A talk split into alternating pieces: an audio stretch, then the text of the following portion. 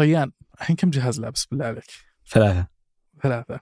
Apple Watch في اليد اليمين Whoop في اليد اليسار وخاتم. شو اسمه هذا؟ Oura Ring أول مرة ترى أشوف واحد يلبس ثلاث أجهزة. أنا ال Apple Watch باليلا البسها بس بشكل سريع مرة. وش يسوي كل واحد؟ آه ما ألبسهم طول الوقت لكن بشكل عام آه بهدف آه متابعة المؤشرات الحيوية للجسم. Okay. وتأثيرها على النوم وعلى الطاقة بشكل عام. كامل اليوم وغيرها ومتابعة آه أداء الرياضي وغيرها. وبس المفروض ال Apple Watch تسوي كل هذه ولا لا؟ صح تسويها بس بجودة تختلف عن الباقية.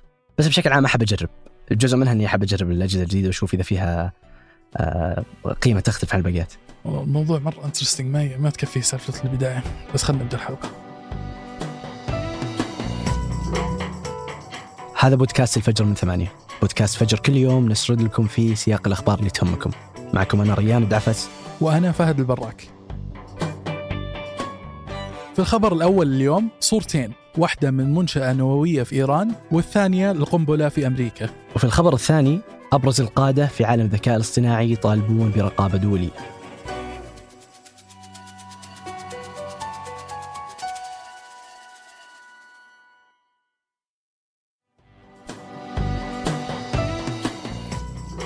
في الأسبوع الماضي أظهرت صور الأقمار الصناعية أعمال بناء في جبل بالقرب من منشأة نتانز النووية في إيران. وتقول التقارير الأمريكية أن إيران تبني منشأة تحت الأرض. بهدف استخدامها لتخصيب اليورانيوم بشكل سريع وآمن. خصوصا بعد ما تعرضت المنشآت الإيرانية النووية في الماضي لحرائق وانفجارات غامضة. يعتقد أن أمريكا وإسرائيل خلفها. مثل الانفجار اللي تعرضت له منشأة نتانز نفسها في عام 2021 واللي اعتبرت ضربة قوية لجهود إيران في تخصيب اليورانيوم. اللافت أن هذا الشهر وتحديدا يوم 2 مايو نشر سلاح الجو الأمريكي في فيسبوك صور نادرة لقنبلة اسمها GBU 57 أو قنبلة الاختراق الهائل زي ما ترجمها بعض المواقع. وهذا الاسم يعبر فعلا عن إمكانياتها. فهذه القنبلة تعتبر من أقوى الأسلحة غير النووية في العالم. وتتميز بقدرتها المذهلة على اختراق سطح الأرض وضرب المنشآت النووية. والمثير في الأمر أن وكالة أسوشيتد بريس ربطت بين نشر الصور وبين خطوة إيران لبناء منشآت تحت الأرض.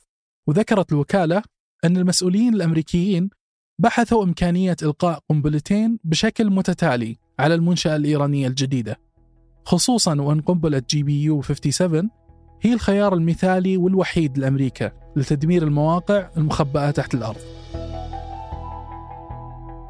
هذه مو أول مرة ينشر فيها سلاح الجو الأمريكي صور ومقاطع للقنبلة بالتزامن مع تصاعد التوتر مع إيران بسبب برنامجها النووي.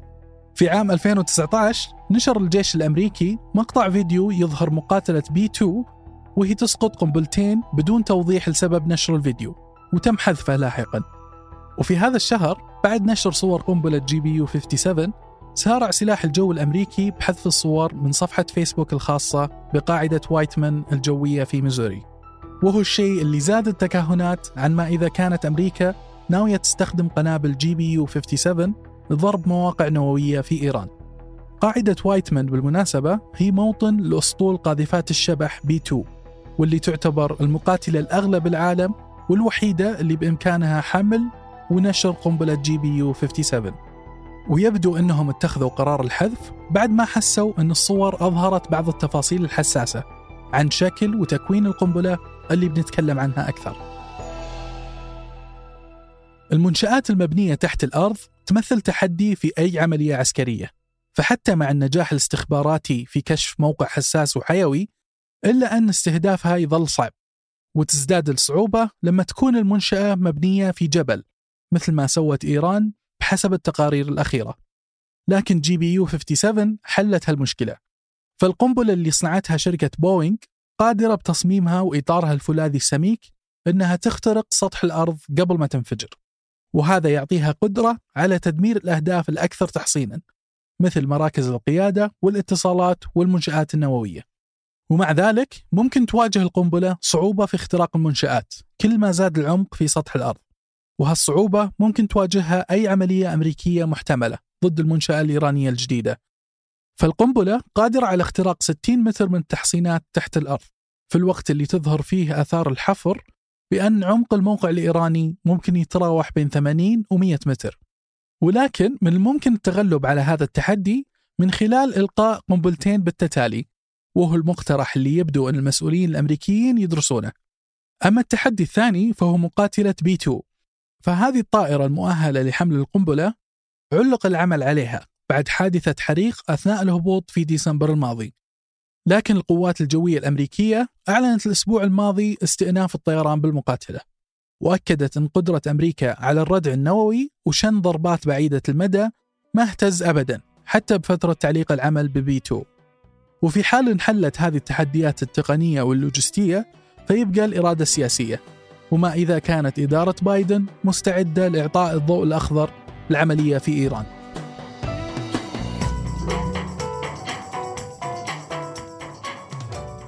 قبل أكثر من أسبوع وجهت مجموعة من القادة في مجال الذكاء الاصطناعي طلب للكونغرس للتدخل وتنظيم شركات تقنيات الذكاء الاصطناعي. وطالبت المجموعة برقابة دولية على هذا القطاع. لأن تأثيراته راح تكون أكبر من أي تقنية أخرى عرفتها البشرية. وتوقعوا في بيان نشرتها المجموعة خلال عشر سنوات راح تقدر تقنيات الذكاء الاصطناعي تجاوز مهارة الخبراء في معظم المجالات وراح يوصل أثر هالتقنية للاقتصاد والمجتمع يمتد أكثر. فطالبوا إضافة للرقابة بترخيص شركات الذكاء الاصطناعي عبر وكالة جديدة متخصصة. واحد من المطالبين كان سام ألتمان. في 2015 شارك سام ألتمان نفسه في تأسيس شركة OpenAI في سان فرانسيسكو مع مجموعة من رواد الأعمال والباحثين المتخصصين في قطاع التكنولوجيا واللي كان من بينهم إيلون ماسك مالك تويتر وتسلا. كان هدف الشركة وقتها أنها تكون منظمة بحثية في مجال الذكاء الاصطناعي. رغم أن الشركة تأسست حتى تكون غير ربحية قرر سام في 2017 أنه يأخذ الشركة لطريق مختلف تماما.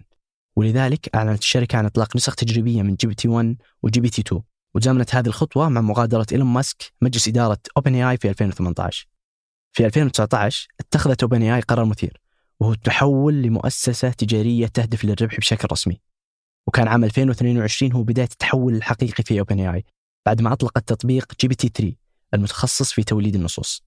وهو التحديث اللي وصفه الخبراء بأنه كان أدق وأذكى وأسرع من النسخ السابقة. وعموما هذه التحولات اللي قادها سام ألتمان في الشركة تزامنت مع ظهور آلاف التقنيات المتخصصة في توليد الصور والنصوص والأخبار وتنفيذ المهام المعقدة. وبدأوا الخبراء في المجال يتكلمون علنا عن مخاوفهم من مخاطر هالتقنيات. وبدأ سام ألتمان نفسه يشير لضرورة السيطرة على الصناعة وتنظيم الشركات اللي تشتغل في هذا القطاع. وأكد أن الكثير من التطبيقات ممكن تساعد في انتشار المعلومات المضللة وانتهاك الخصوصية. وفي المقابل لا زال سام ألتمان يراهن على قوة تطبيقات الذكاء الاصطناعي في تطوير قطاعات الأعمال خصوصا بعد إطلاق GPT 4 واللي بفضله صارت OpenAI العلامة التجارية الأكثر شهرة في مجال التكنولوجيا في العالم.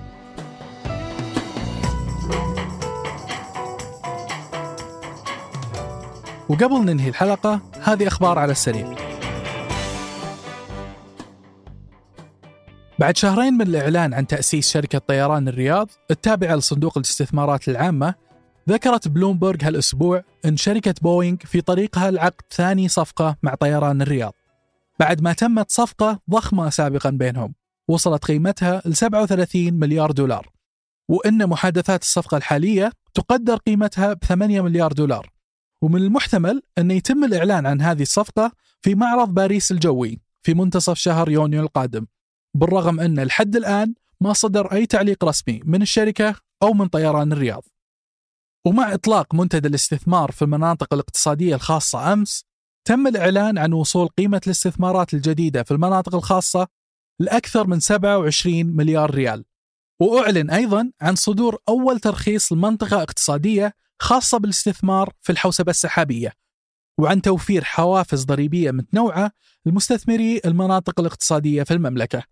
منها تخفيضات ضريبية لمدة 20 سنة.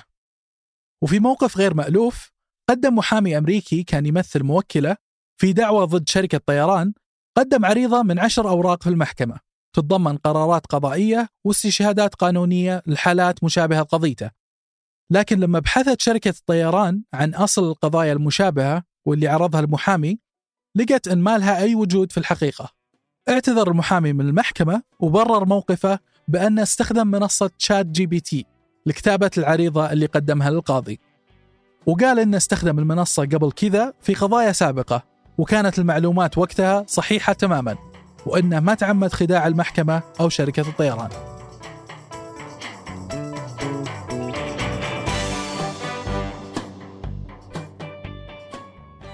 أنتج هذه الحلقة تركي البلوشي ورهف العصار. وقدمتها أنا ريان دعفس وأنا فهد البراك. وراجعتها لما رباح وحررها محمود أبو ندى. نشوفكم بكرة الفجر.